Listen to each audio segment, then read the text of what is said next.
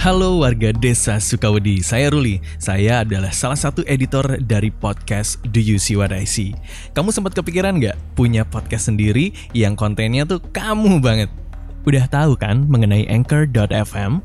Nah, hampir 200 episode cerita horor di podcast Do You See What I See semuanya diproduksi dan didistribusikan melalui Anchor.fm. Anchor.fm adalah platform distribusi podcast all-in-one milik Spotify yang bisa buat podcast bikinan kamu langsung mengudara di seluruh platform di mana pun, kapan pun, dan yang paling penting 100% gratis. Gimana caranya? Gampang, tinggal sign up, lalu klik new episode untuk unggah podcast kreasi kamu. Klik publish, udah deh. Gampang banget kan? Yuk bikin sendiri podcast kreasi kamu hanya di anchor.fm.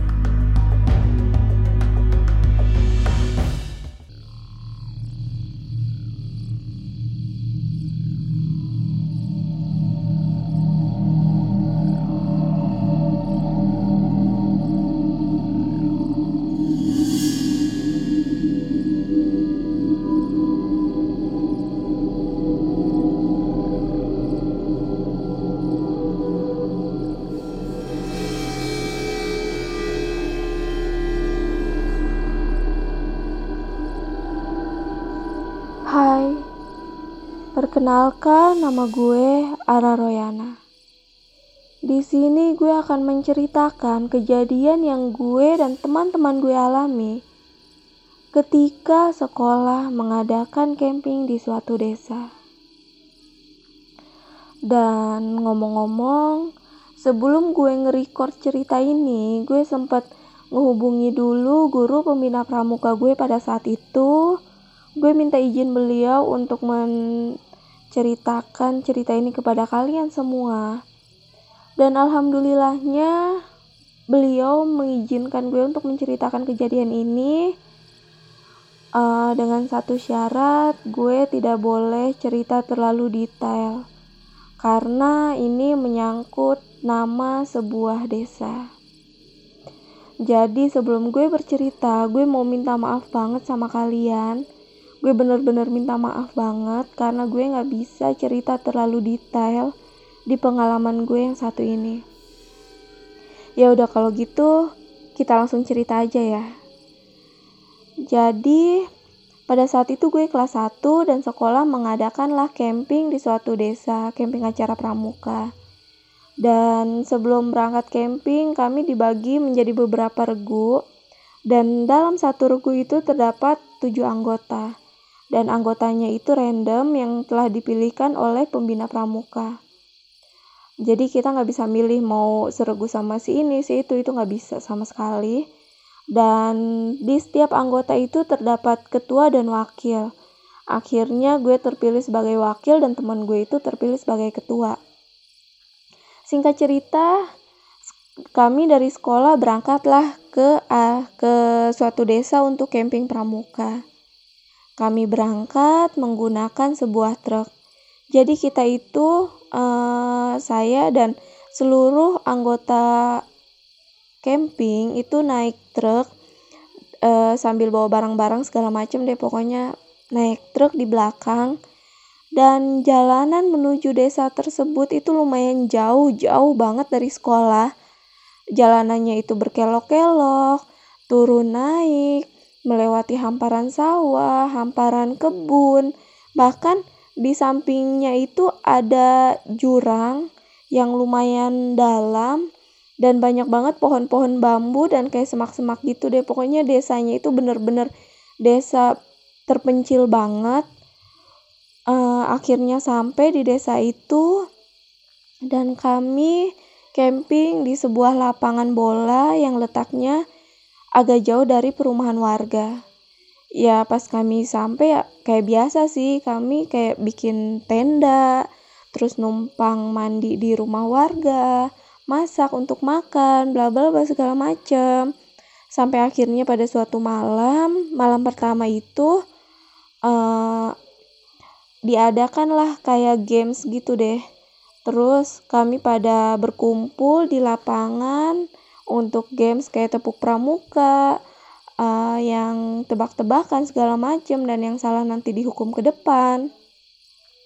Kami berjejer sesuai dengan regu. Kebetulan untuk perempuan itu dinamakan regunya itu bunga dan untuk laki-laki regunya itu dinamakan jenis-jenis hewan. Dan regu kami itu namanya regu melati. Terus kami berjejerlah baris dan ketua duduknya di depan, berjejer ke belakang dan gue sebagai wakil duduknya di belakang. Paling belakang. Lagi main game, tiba-tiba temen yang di depan gue ini uh, kayak mukul-mukul kaki gue deh gitu ke belakang. Roy, Roy, Roy, Roy. Apa sih? Uh, gue jawab kan. Terus temen gue tuh bilang, lu lihat nggak lihat apaan itu lu nengok deh ke atas. Nengok ke atas sekarang. Dan pada saat gue nengok ke atas ternyata di atas kami itu yaitu di atas uh, camping itu di atas tenda-tenda ada kain putih. Kain putih yang terbang mengelilingi. Tapi kain putih itu ketika gue uh, bener-bener gue cermati ternyata kain putih itu bukan benar-benar kain putih melainkan sesosok kuntilanak yang sedang terbang mengelilingi lapangan bola tersebut. Pada saat itu gue bilang ke temen gue udah kita pura-pura nggak lihat aja udah daripada kita beneran ngeliatin takut. Udah baca-baca aja baca-baca jangan kosong. Ya udah iya Roy. Terus gue sama temen-temen gue yang lain pada pura-pura nggak lihat deh akhirnya selesai games kami disuruh masuk ke tenda suruh uh, apa kayak semacam buru-buru tidur karena besok akan bangun pagi banget. Terus akhirnya selesai game kami masuk ke tenda masing-masing dan tidur. Pada saat itu posisinya gue tidur di tengah di samping ketua ya. Kami tidurlah berjejer tujuh orang di dalam tenda. Keadaan tendanya itu remang-remang karena nggak ada lampu sama sekali. Hanya ada pencahayaan dari luar tenda uh, pas gue lagi tidur kok tiba-tiba sayup saya gue kedengeran suara orang nangis. Nangisnya itu lumayan kenceng ya kayak kayak nangisnya itu dalam banget sampai sesenggukan gitu nangisnya.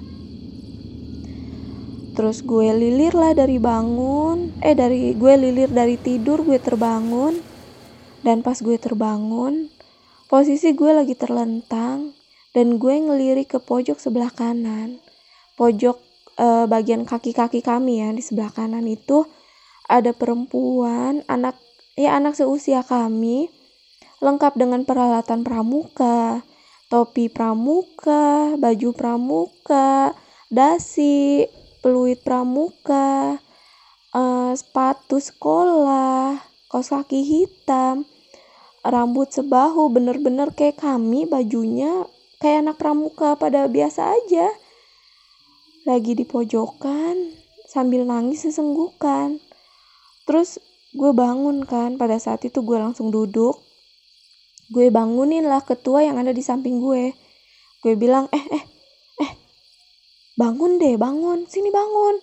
Terus dia bangun kan, apa sih lu? Gue lagi ngantuk juga, ganggu aja. Terus gue bilang kan, lu lihat itu siapa? Lu lihat nggak? Dan ketua ini dia juga ngeliat Terus dia bilang kan, itu siapa ya lagi ngebelakangin kita? Lu juga lihat. Jadi gue sama ketua ini tuh kita tuh sama-sama ngelihat ada perempuan lagi ngebelakangin kita sambil nangis.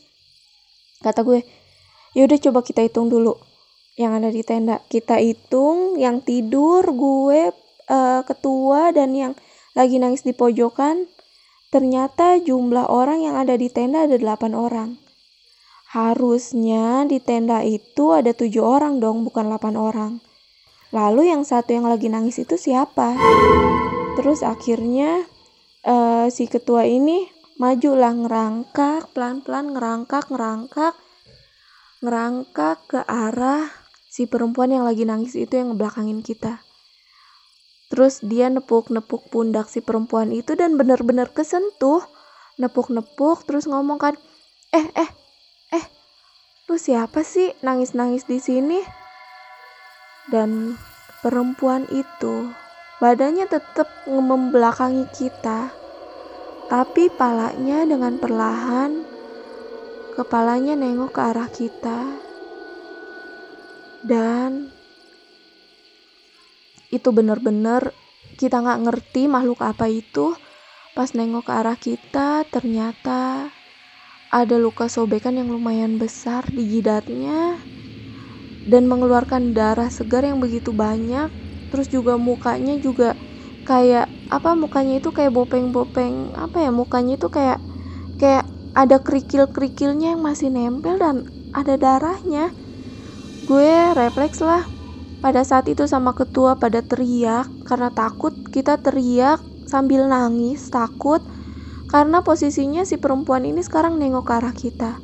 Dan uh, anggota kita yang lain yang lagi tidur langsung kebangun dan ikut teriak karena sama-sama melihat si sosok ini. Terus akhirnya pembina pramuka yang lagi di luar yang ngejaga gitu uh, sama dua jadi tiga pembina pramuka dan dua guru pembina pramuka itu masuk ke tenda kita karena panik ada apa. Kok semuanya pada nangis pada teriak. Dan pas masuk uh, guru pembina pramuka langsung kayak istighfar teriak astagfirullahalazim kami semua disuruh tutup mata. Dan uh, selang beberapa menit kita suruh buka mata dan udah nggak ada apa-apa di situ kami dikasih air lah pada saat itu sama guru pembina pramuka. Kami dikasih air minum. Terus kami disuruh baca doa segala macem. Uh, kita doa sama-sama sama tiga pembina pramuka sama dua guru pembina pramuka. Setelah itu kita suruh tidur lagi. Ya jujur kita nggak bisa tidur pada saat itu karena masih kayak semacam trauma deh.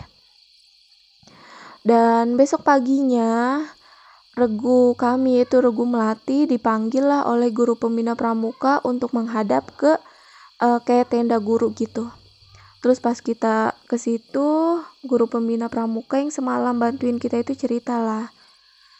Kalau ternyata sebenarnya uh, selang dua atau satu setengah bulan yang lalu sebelum kita kemah di situ, sebelum kita camping di situ, ternyata ada dari sekolah lain yang camping di situ duluan dan sayangnya ada kecelakaan pada saat itu jadi salah satu uh, salah satu anggota pramukanya itu pada saat itu hendak ngambil air untuk cuci piring di sebuah sungai.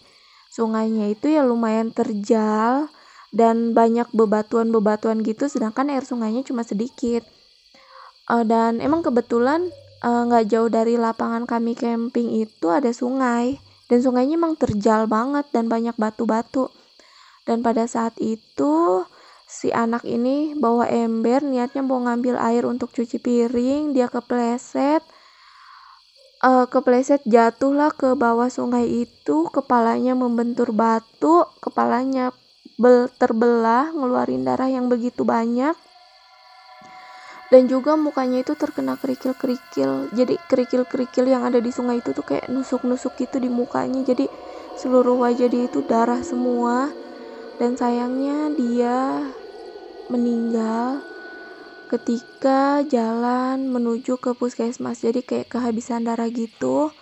Dan gue pada saat itu dimintai oleh guru pembina pramuka untuk merahasiakan kejadian ini untuk tidak bercerita kepada siapa-siapa dan karena tak ditakutkan yang lain pada ketakutan sama kejadian ini.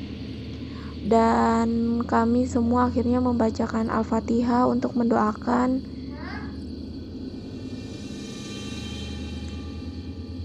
Dan akhirnya kita sama-sama membacakan Al-Fatihah dan doa untuk almarhumah supaya tenang.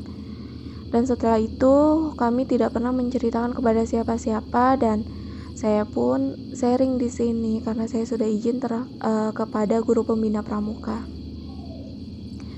Dan setelah kejadian itu ya udah kami nggak cerita sama siapa-siapa. Terus singkat cerita uh, kita aktivitas kayak biasanya deh kayak uh, ke hutan-hutan segala macam acara pramuka. Dan pada malam itu diadakanlah semacam jurit malam. Jurit malam ini kami pergilah uh, jadi satu regu misalkan pergi selang 20 menit regu lain selang 20 menit regu lain. Jadi kayak gantian gitu. Dan akhirnya uh, regu mawar suruh eh regu melati suruh pergi deh. Regu kami regu melati. Kita pergi seperti biasa. Ketua jalan di depan dan gue sebagai wakil ketua jalan paling belakang. Dan itu jalanannya tuh bener-bener kayak di kayak melewati perkebunan-perkebunan, sawah-sawah, hutan-hutan, bener-bener nggak melewati perumahan warga sama sekali.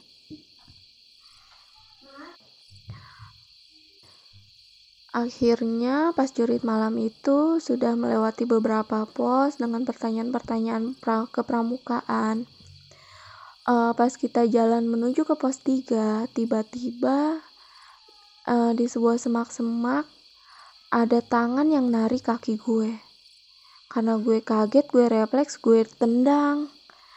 Dan pas gue nendang itu, uh, ada suara laki-laki yang teriak kayak, aduh aduh sakit sakit sakit. Dan pas uh, gue intip dari semak-semak sama regu gue yang lainnya, ternyata itu kakak pramuka yang lagi kayak nakut-nakutin gitu di semak-semak narik-narik kaki gue kan terus gue minta maaf karena udah nendang dia dan uh, ya udah deh kita lanjutin lagi jalan selesai di pos ketiga terus uh, kita menuju ke pos 4 selesai dari pos 4 kita menuju ke pos 5 yaitu pos yang terakhir uh, ke pos 5 ini lumayan jauh ya kita itu melewati semacam lebak jadi uh, sebelah kirinya sawah, sebelah kanannya itu lebak. Lebak itu semacam sungai, sungai kecil tapi lumayan dalam. Banyak pohon apa ya? Uh, banyak pohon bambu dan juga banyak semak belukar. Dan pas jalan, tiba-tiba ada yang narik kaki gue lagi. Tapi yang ini nariknya tuh kenceng banget. Nariknya kenceng sampai gue jatuh, jatuh tengkurap terus gue kayak ketarik gitu gue keseret gue teriak dong sama temen-temen gue yang lain gue teriak minta tolong dan teman-teman gue yang lain langsung nengok ke arah gue langsung pada lari ke arah gue nolongin gue pada saat itu. Dan ada tangan yang megangin kaki gue. Gue minta tolong tolong ini pasti nih kakak pembina pramuka lagi nih nakutin gue nih narik-narik kaki. Tolongin dong tolongin lepasin nih tangannya nih. Dan pas salah satu temen gue ini ngebuka semak-semak ternyata itu nggak ada apa-apa hanya ada sepotong tangan yang menempel di kaki gue. Tangan yang pucat pucat banget bener-bener pucat dengan ujung tangan yang penuh dengan darah. Gue langsung teriak regu gue pada lari mencar. Pokoknya bener-bener lari mencar. Kita lari nggak beraturan nggak barengan bener-bener udah lari ke pencar gue sendirian kaki gue masih dipegangin sama suatu se, sama tangan nggak tahu itu tangan siapa. Tangan doang tanpa badan tanpa apa-apa. Hanya tangan tapi nggak genggam kaki gue tuh bener-bener kenceng banget. Akhirnya gue berusaha bangun gue lari gue lari gue lari. Sambil menjemin mata gue sampai jatuh berkali-kali di sawah. Uh, dan akhirnya alhamdulillah ada pembina pramuka yang ngejar gue. Karena ngelihat gue lari sendirian ngejar gue. Dan uh, pas uh, abis ngejar gue dia manggil Roy Roy Roy Roy mau ke mana mau ke mana? Pas gue nengok ternyata sepotong tangan itu udah nggak ada di kaki gue. Dan setelah itu akhirnya gue diantarlah ke tenda dan regu-regu gue yang lain pun uh, diantar ke tenda juga. Karena kami udah pada uh, trauma sama kejadian itu dan ngomong-ngomong yang ngalamin itu tuh bukan gue bukan regu gue doang tapi regu yang lain pun ngalamin. Regu yang lain tuh ngalaminnya nggak sama kayak uh, regu gue persis ya. Uh, mereka ngalaminnya ngelihat ada uh, makhluk yang tinggi banget lah setinggi pohon kelapa. Ada yang ngelihat kepala doang jatuh dari pohon kelapa disangka Uh, jadi ada regu laki-laki yang jalan kan, toto ada yang jatuhlah dari pohon kelapa, disangka kelapa, mau ditendang. Dan pas mau ditendang ternyata itu kepala. Entahlah kepala siapa itu. Dan banyak lagi yang dialamin oleh regu lain. Tapi gue nggak tahu detailnya seperti apa. Dan usut punya usut, ternyata di desa tersebut, uh, yaitu di lebaknya, di sungai kecilnya itu, antara lebak dan sawah itu pernah ditemukan potongan mayat di dalam karung yang termutilasi. Ya setelah itu, uh, akhirnya pramuka campingnya udah selesai selama dua malam, tiga hari dua malam. Dan akhirnya ya kami pulang dengan berdoa, uh, mendoakan siapa pun yang ada di situ agar tidak mengganggu sama sekali dan tidak ada yang ikut sama sekali. Setelah itu ya alhamdulillah kami tidak mengalami apa-apa lagi.